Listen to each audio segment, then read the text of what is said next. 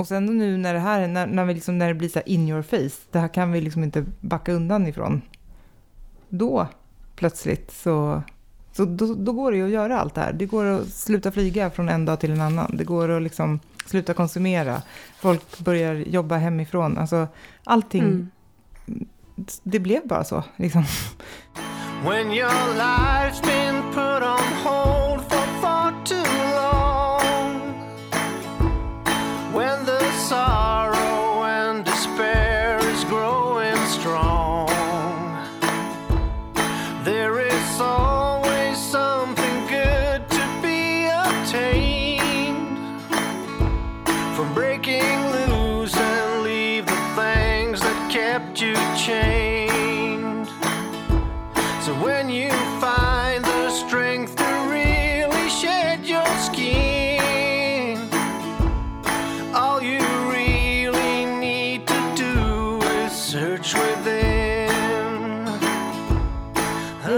Hej Katta!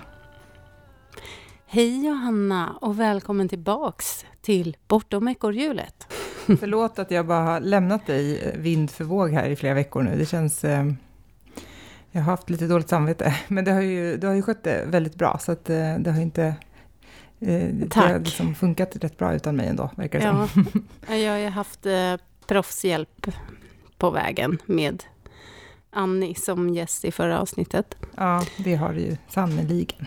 Det är mm, kul att vara tillbaks. Det känns jätte... Men också, ja, alltså det är ju omvälvande alltid. Nu är det bara helt, eh, liksom, det är kaotiska tider ju verkligen. Ja, och det var ju det vi tänkte mm, prata lite om idag eftersom det typ inte går att prata om någonting annat just nu. Nej, det gör ju faktiskt inte det. Det känns ju nästan ogörligt. Liksom. För jag, jag höll på och funderade på det. Alltså, vad man än, alltså det, det, liksom, jag tror inte någon, ingen är mottaglig för någonting annat Nej. just nu. Det upptar liksom allt. Ja, men och så tänkte vi, men vad ska vi prata om nu? Så att inte vi blir eh, ytterligare två självutnämnda epidemiologer. För det har vi ingen kunskap om helt enkelt. Vi är ju som alla andra, vi tar in information och försöker hitta en rimlig världsbild utifrån det. Men vi kan väl... Alltså hur, hur är det här för dig? Vi, det är lite intressant, för vi är ju i två lite skilda världar när det gäller just coronans framfart i Sverige, misstänker jag. Du sitter i Stockholm. Mm. Epicentrum. Som är landets mest utsatta område just nu. Mm. Och jag sitter ju eh, för mig själv här i en liten by utanför en liten by. Där eh, min vardag egentligen inte har påverkats så mycket rent logistiskt ännu, ska jag väl säga. Men berätta, hur, är, hur liksom är det här för dig?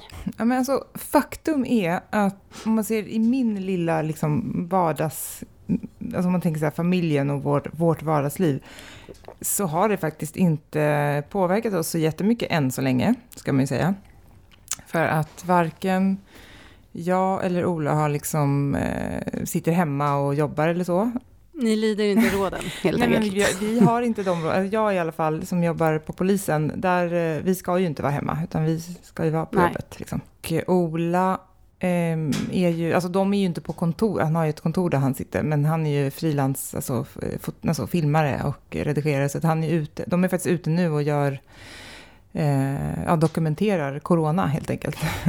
och eh, båda våra döttrar går kvar, alltså skolorna har inte stängt. Ingen av deras skolor har stängt ännu.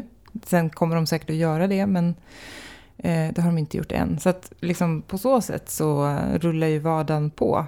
Och jag har liksom ingen direkt i min närhet som har blivit smittad eller alltså sådär. Så det, men sen är det klart att i nästa, liksom, nästa cirkel utöver, alltså om man bara lämnar så här familjebubblan så är det klart att det är ju extremt påtagligt på alla sätt och vis. Det är ju mm, folktomt på många ställen där det brukar vara jättemycket folk och tvärtom så är det också jättemycket folk på många ställen där det inte brukar vara. Alltså det är också lite, för det pratas ju så mycket om det här med just att, eh, mm, liksom, att, att det är tomt överallt.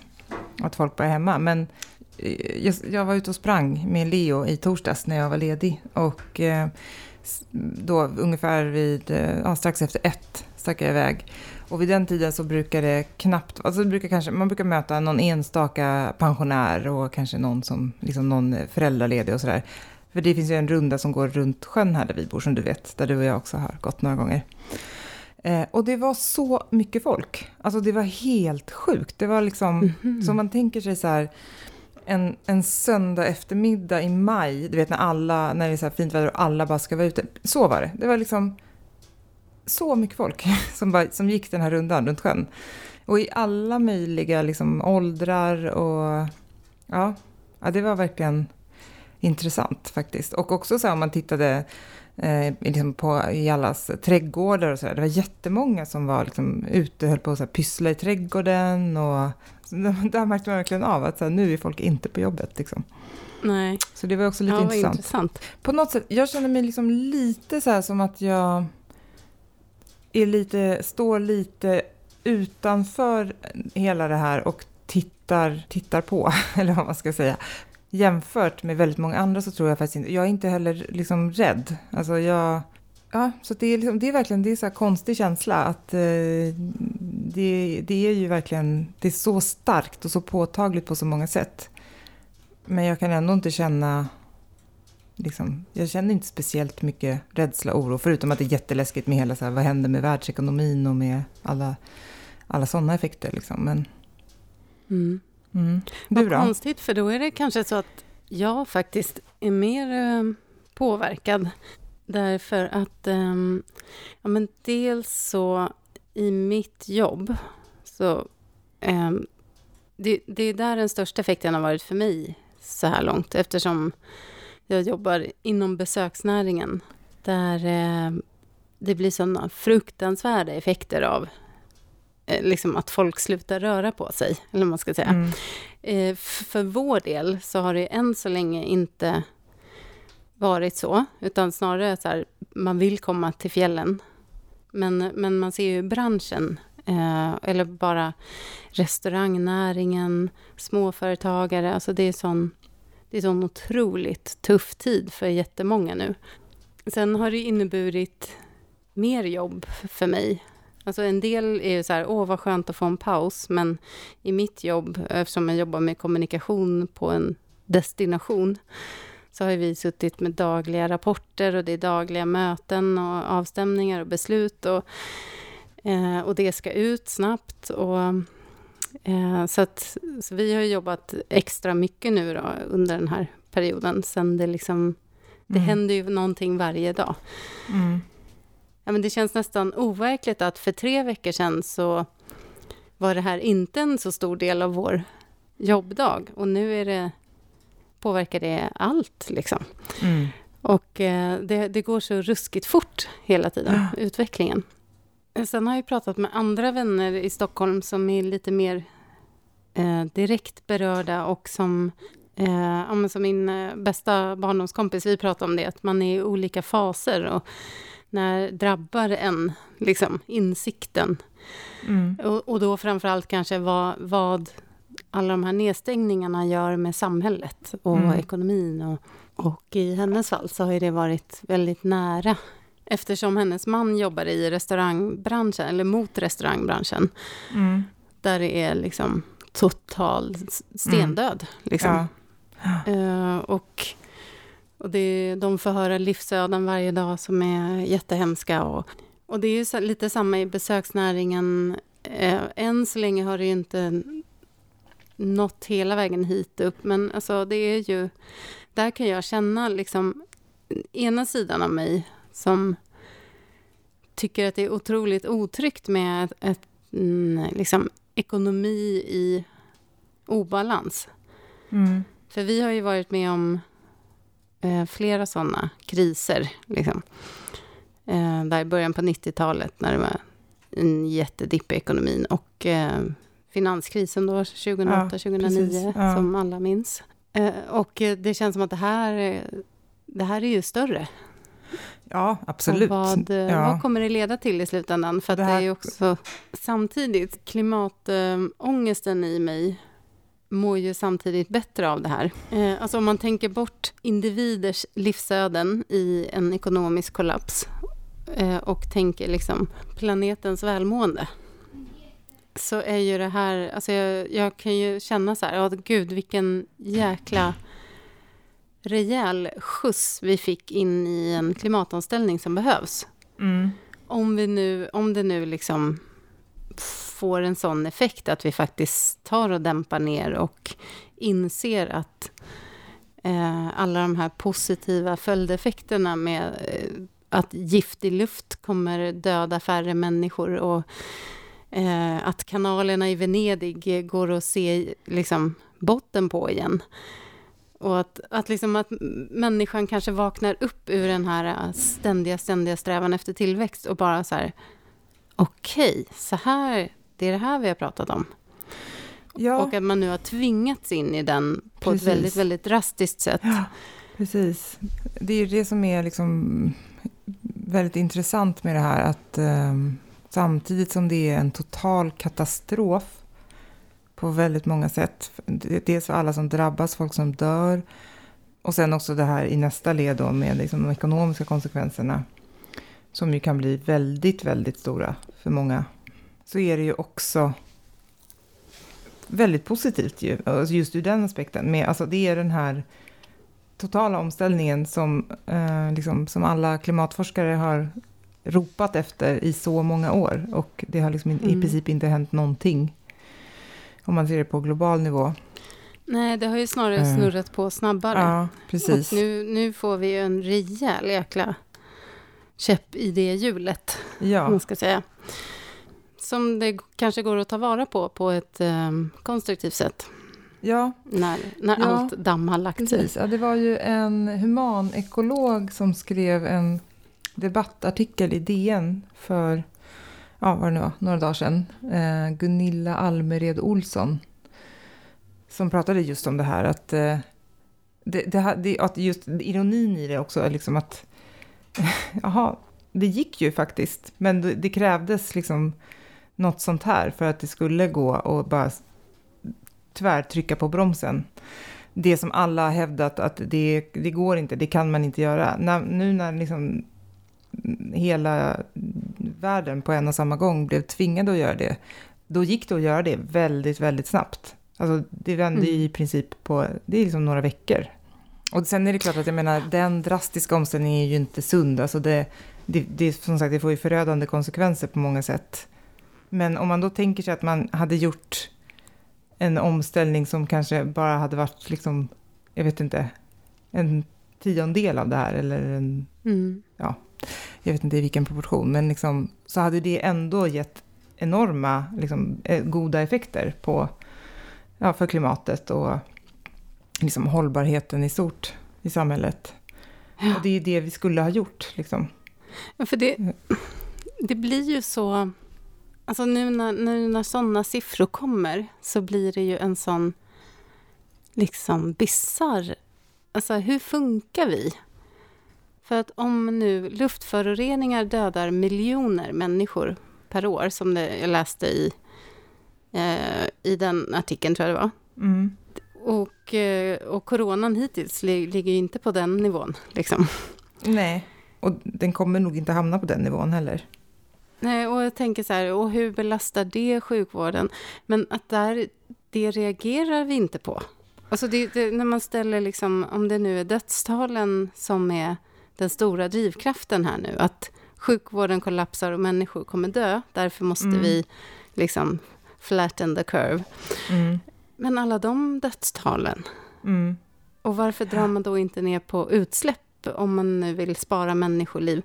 Det, det är ju det som blir så jäkla bisarrt när man ställer det sådär. Ja. Alltså i en sån här situation när sådana saker lyfts fram att liksom det här coronaviruset kommer rädda troligen många fler liv på grund av att luftföroreningarna minskar. En kortare period eller längre period eller vad det nu blir. Men ja, det är, det är fascinerande. Det är, det är så mycket beteendepsykologi i mm. det här som man skulle vilja gräva i. Ja, men det är väl, alltså det, är väl det där igen med så hur våra hjärnor är skapade och hur vi liksom är um formade att tänka och så. att Det, det är jättesvårt ju att, mm.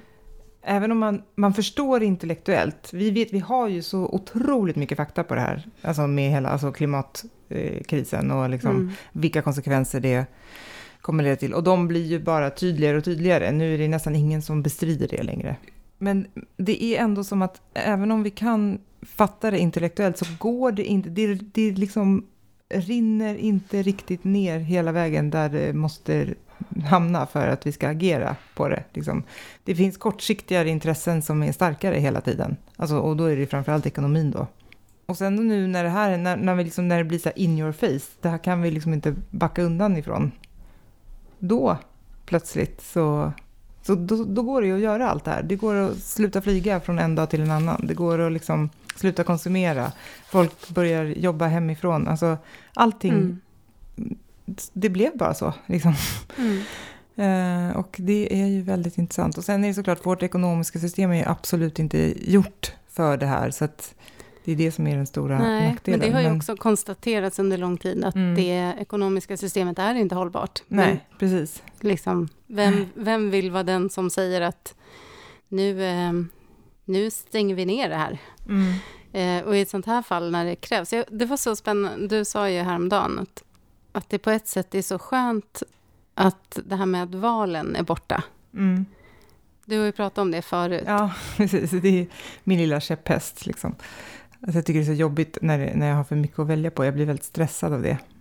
Ja, och i en sån här situation så är det ju så att vi...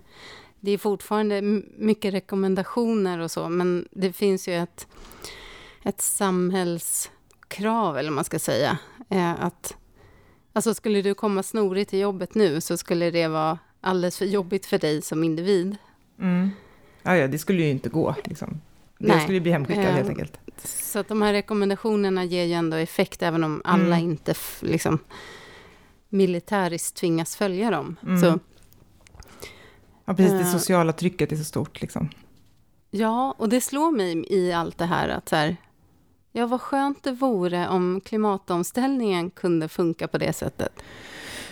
Ja, precis. Och det, vi har ju lite, haft lite sådana tendenser med det här med flygskam och liksom eh, kanske plastanvändning ja, men Jag tänker sånt. mer att men... det är liksom på myndighets och mm. politikernivå. Ja. Att det bestäms bara åt oss. Mm. Ja, men, och det är det, det, är det, jag har ju sagt det flera gånger, att jag skulle ju verkligen, verkligen vilja, jag skulle ju vilja ha en så klimatdiktator som bara sa så här, nu gäller det här för alla, världen över liksom, och så är det bara, och då får man rätta sig efter det. Och jag tror inte, alltså det skulle inte vara något problem att följa det, för då vet man här, ja men det är liksom samma sak för alla, och man behöver inte ens hålla på och fundera över, eh, liksom, om man skulle välja att ja, gå emot det eller inte, utan nu är det bara så, och då är det det man gör. Liksom. Det, det liksom kan vara skönt att få vila i det. Det här är utom min kontroll, ett, mm. liksom en acceptans av läget och nu gör vi det bästa av det. För jag mm. tror man ser ju redan nu i, i den här krisen så direkt så kommer det upp kreativa idéer och, och omvägar och lösningar och samarbete och solidaritet och jag är så övertygad om att mänskligheten som art skulle greja det, för att det är mm. så vi alltid har gjort. Ja.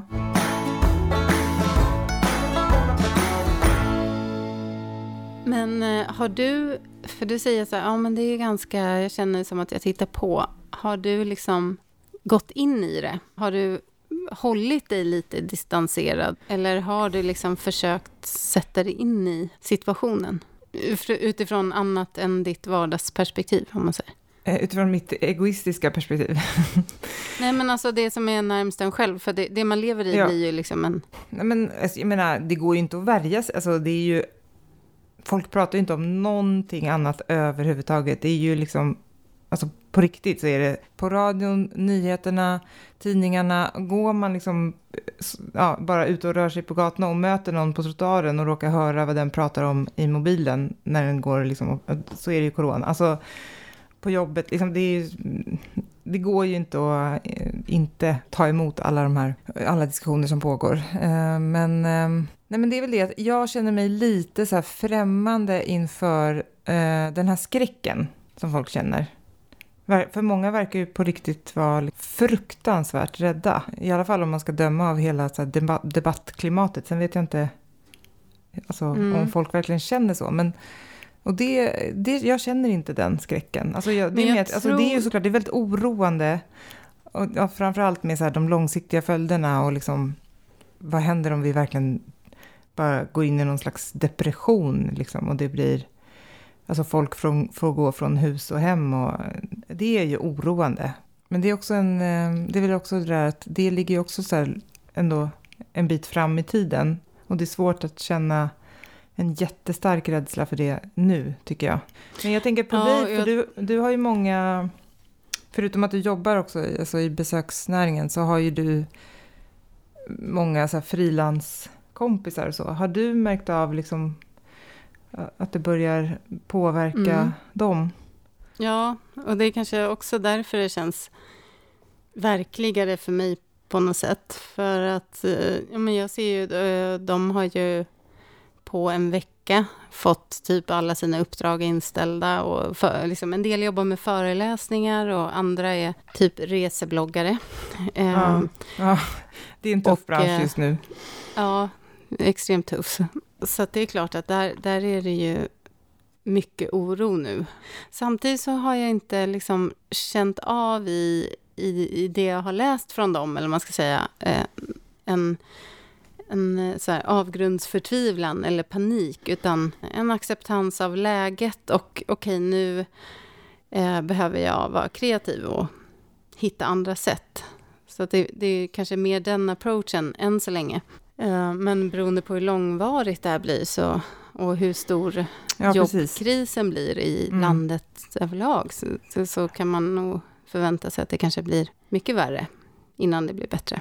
Men det är ju också alltså, det du pratar om, just det här att folk i väldigt liten utsträckning i alla fall verkar ha blivit eh, lamslagna och liksom gett upp och sådär. Det känns ju ändå så himla positivt. Alltså, och det som du sa också, att, att man blir så tagen av all den här, så här kreativiteten och att, att det är så här, jaha okej nu händer det här, nu måste vi försöka hitta lösningar och vara solidariska och, liksom, och det finns ju en massa sådana exempel och initiativ som är, det är ju, det är liksom, ger en hopp om mänskligheten, verkligen. Det är en fascinerande tid och eh, skrämmande och jag får den här känslan av det när man känner så här, nu är vi med om något som det kommer skrivas mm böcker om och historieböcker. Mm, verkligen. Um, att vi är mitt i det nu. Och den känslan är speciell. Alltså det blir det här undantagstillståndet. Mm. Men som också... Alltså den, den, det är både väldigt jobbigt att inte kunna planera framåt. Alltså det är just om man tänker på så vad, vad vår podd handlar om och eh, liksom hela det här idén om eh, att ehm, stanna upp och reflektera och kanske göra nya val i livet som, som ger en en chans att, eh, ja, men att ha en mer hållbar tillvaro. Det, det är ju precis det som också, om man tänker på så som det är precis nu, där liksom helt plötsligt så är, är man hemma med familjen, får ägna sig mer åt att så här, påta i trädgården, vara med sina husdjur, men jag vet inte, allt det där liksom. Ja, jag tycker det är så intressant bara att uh, från en dag till en annan så hände allt det här. Och det är som att vi har ett helt nytt, ett helt nytt samhälle nu. Alltså jag kan ju både vara väldigt eh, dystopisk av mig, men jag har samtidigt kanske naiv tro på att det alltid kommer något gott ur en jobbig situation och att vi kanske just precis nu behövde det här på en global nivå. Och jag vet att det är hemskt att säga, för det finns, alltså återigen, om man bortser från liksom individers öden som jag verkligen ja, lider med. Men alltså ja. på, på mänsklighetsnivå, mm. eller för planetnivå, så är det här äh, ganska, ett ganska ett uppspidat live-experiment kring vad vi faktiskt behöver göra egentligen. Jag kan ju inte låta bli att tänka den tanken att det liksom finns någon slags, äh, att det är så här jordklotets sätt att fan kan inte fatta vinkeln liksom? Eh, alltså, ja, hur kan polletten inte ha trillat ja. ner? Ja, det var ju någon som skrev, vi la ut en fråga i gruppen och sådär, hur, vilka reflektioner man har nu i allt det här. Mm. Och, Um, och det, det, var ju någon som skrev det, alltså att är det här naturens sätt att ge oss en käftsmäll och säga att vi måste stanna upp, ja. typ. ja, men verkligen. Även om det här är jättehemskt så är det ju det här är ju bättre än en total klimatkollaps. Det blir intressant. Men vad känner du då? Liksom, vad tror du? Har du till exempel ja. en... Alltså, tror du att det på riktigt kan leda till en omställning? Ja, du, jag vet inte. Alltså, jag har ju... Alltså, jag tror att det kan gå två håll och jag känner lite att jag försöker hitta tecken på, eller se så här, vart bär det? Men jag tror, jag tror att det å ena sidan skulle kunna leda till en större omställning för att vi helt enkelt liksom tvingas in i det och att det kanske blir långvarigt och att vi, vi får liksom backa bandet. Och, eh, och, och, kanske också på grund av att vi inte bara tvingas in i det utan att, att det faktiskt leder till insikter. Mm, precis. Eh, och, och, att sådana här saker som... För jag tänker så här nu, om folket i Venedig till exempel helt plötsligt verkligen ser att vattnet är klart och svanarna har kommit tillbaks så kanske det väcker någonting i en. Mm. Så här skulle det kunna vara. Mm. Medan om man länge, länge har levt utan det så har man hunnit glömma det. Och, och jag tänker så här att sådana saker kan ju... Eh, eller bara att folk i Tokyo ser utsikten, att det inte bara är smog ja, precis, över hela i alla de här storstäderna, alltså Peking, jag vet inte, Mexico City, eh, ja. Delhi, liksom att folk på riktigt kan gå ut och andas. Det måste ju vara en otroligt ja. liksom, Och att det stark... faktiskt ger någon slags långvarig insikt som att, att det faktiskt är mycket, mycket ett mycket härligare sätt att leva. Mm. Jag kan ju hoppas det. Sen å andra sidan så får jag att jag tänker så här, nu finns det en massa desperata krafter som till varje pris ska få upp tillväxten igen i ja. fossilbranschen. Du vet, man tänker att det blir en backlash. Att mm. Det var ju någon eh, som skrev i det Svenska Dagbladet. Va? Eh, sådär. Nu är frågan, låter vi utsläppsminskningarna bestå eller står vi inför omfattande hämndutsläpp inom citationstecken? Och det är, det, det är den andra vägen som det skulle kunna gå. Ja, precis, att det bara blir någon total så här köporgie, liksom, ja. när det här släpper. Att man bara, åh, alla ska resa, ska vi resa samtidigt. ikapp och... allt vi missade. Men jag tänker också att för mig har det ju, jag har ju fått den här känslan när man har sett det här spridningen på, i simulationer och det var en, en dokumentär om eh, själva outbreaket i Kina. Och så får jag en så här, åh, liksom, gud, att vi reser så här, att vi är så många på en plats, att vi har de här matmarknaderna, eller du vet att, mm. att det väcker någon slags så här, det är onaturligt. Vi ska inte leva så. Och, Ja, nej, men det är ju så, det är såklart, det, är liksom, det handlar ju om att man får på något sätt hitta en, en nivå där det är hållbart ja. helt enkelt. Det är det ja, det kokar precis. ner till. Liksom. Ja, för det, det blir så, vi kommer aldrig inte vilja upptäcka, och det är en del av att vara människa, att vilja upptäcka nytt. Liksom. Mm. Och det, är ju också, det finns ju den här lärorika aspekten av att ja, se andra precis. kulturer. Ja. Men, eh, men hur kan vi göra det liksom, ja, hållbart? Precis.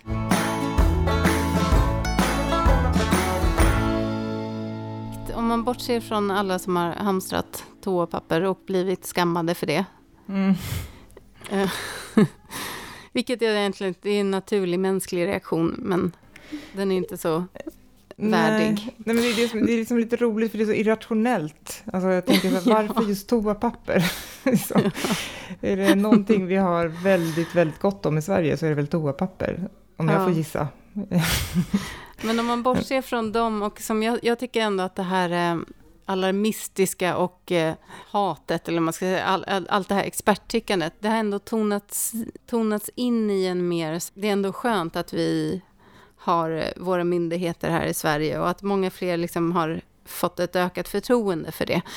Men tror du att, att det här på något sätt tar fram bättre sidor hos mänskligheten? Det kanske är lite tidigt att säga det ännu, men eh, det, jag tror nog ändå att det kan vara så. Att man fakt ja, men just det här med att man genom en käftsmäll tvingas att stanna upp och reflektera över saker och så här, vad är det egentligen som betyder något? Och att man ju tvingas visa solidaritet med andra människor och inser att det är faktiskt egentligen det enda, den enda fungerande sättet att leva tillsammans. Alltså jag tror, ja, jag, jag tror det. Jag väljer ändå att, eh, att vara så pass positiv.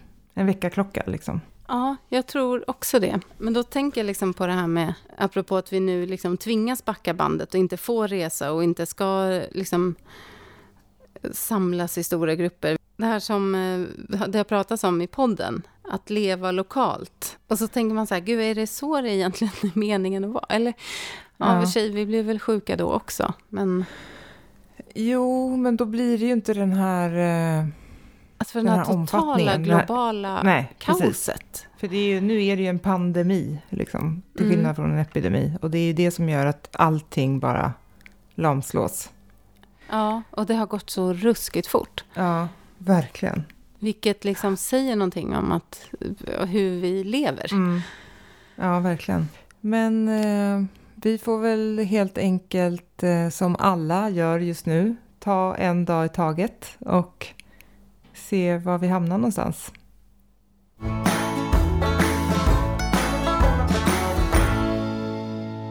Kan vi inte bara så här, ha en liten härlig andningspaus från, från coronan och allt som den handlar om? Ja, vi kan ju försöka. Ja. det, det, är som att eh, hjärnan är liksom helt så här, inprogrammerad nu. På, ja. så det, det, man får liksom det, avprogrammera sig. Då behöver vi, vi behöver en liten paus här. Mm, jo. Okej, okay, men då ställer jag några frågor här. Då. Eh, och då, då, får det tänka som att eh, corona, det finns inte, det här, det här händer inte just nu, utan all things aside. Mm. Ett Så, socialt experiment. Mm. Berätta dina tre bästa ljud. Tre bästa ljud? Eh, ja, det är ju ganska... De två bästa är ju, som jag, det har ju vi pratat om också förut i podden, men det är så här, hästar som tuggar gräs eller hö och också hovklapper. Eh, det är två mm. absoluta favoritljud. Och sen, eh, ja men alltså fågelsång. Det känns ju kanske lite fantasilöst, eller vad man säger. Men eh, just den här, den här tiden på året som börjar nu, liksom, när man kan gå upp liksom, klockan fyra på morgonen oh, och det är bara sån konsert. Alltså det är ju, det är verkligen helt fantastiskt. Då vill man bara gråta för att det är så vackert. Ja, jag vill lägga till ett, för jag har ju typ samma som du, men jag vill lägga till porlande vatten. Mm. Ja, det är det, så den kan jag hålla med om också. Ljuvligt och ja. rogivande. Mm. Särskilt så här, det, det har jag tänkt på, när man ror på en spel, spegelblank sjö. Och de här dropparna som kommer från... Dropparna från årorna. Mm. Oh, det är helt magiskt. Ja. Snart är det sommar. En fråga till då. Mm. Vad drömmer du mest om att göra i sommar? Det är väl Särna och Gotland. Men ta oss ja. till en specifik stund eller plats som du längtar efter. Ja, men det är väl dels eh, sitta på den jättefina uteplatsen vi har i huset vi hyr på Gotland och dricka rosévin och grilla och bara snacka Se skit. solen gå ner över åkern. Ja, precis, mm. bakom fälten. Det, det, är ju fantastiskt. Och sen eh, att vara... Eh, jag tänker mycket på det här med vi brukar hyra hästar i Särna och liksom gå ut till dem så på morgonen eh, när de är precis bara runt knuten. Liksom, när de ligger och snarkar. ja, precis. Det är väldigt, väldigt mysigt. Mm, det är mysigt. Du då? Ja, men jag älskar ju det här att, att vandra hem i en tidig sommargryning. Mm. Tänk att ja, det... du till exempel har varit på fest eller du har suttit sent med människor du tycker om. Och så går du hem till den här fågelsången och ljusa, det är lite dagg i gräset och livet är pirrigt. Ja, jag vet. Det är ju, ja gud, då känner man livet i sig alltså. Ja. Det är magiskt. Och, och så är det sommarängar med dimma. Mm. Också fantastiskt. Mm. Det längtar jag efter. Ja, men ska vi avrunda på det då? Så... Nu, nu fick vi lite ny livslust här. Ja. Skönt. Ja, men då, då avrundar vi nu och eh, så eh, ser vi vad som har hänt om två veckor när vi hörs mm. igen. Och eh, ha det så bra nu allihopa, ta hand om er Ja, och vi ska ju tacka Sven också. Ja, det ska du vi. Du kan få göra Sven det nu eftersom du har varit borta. Ja, just det. Mm, jag har ju saknat det. Mm. tack Sven Karlsson och tack Epidemic Sound för den alltid lika härliga poddlåten som vi har. Vad bra, men då säger vi så. Mm. Ha det så gott så hörs vi igen om två veckor. Det gör hej då! Hej hej!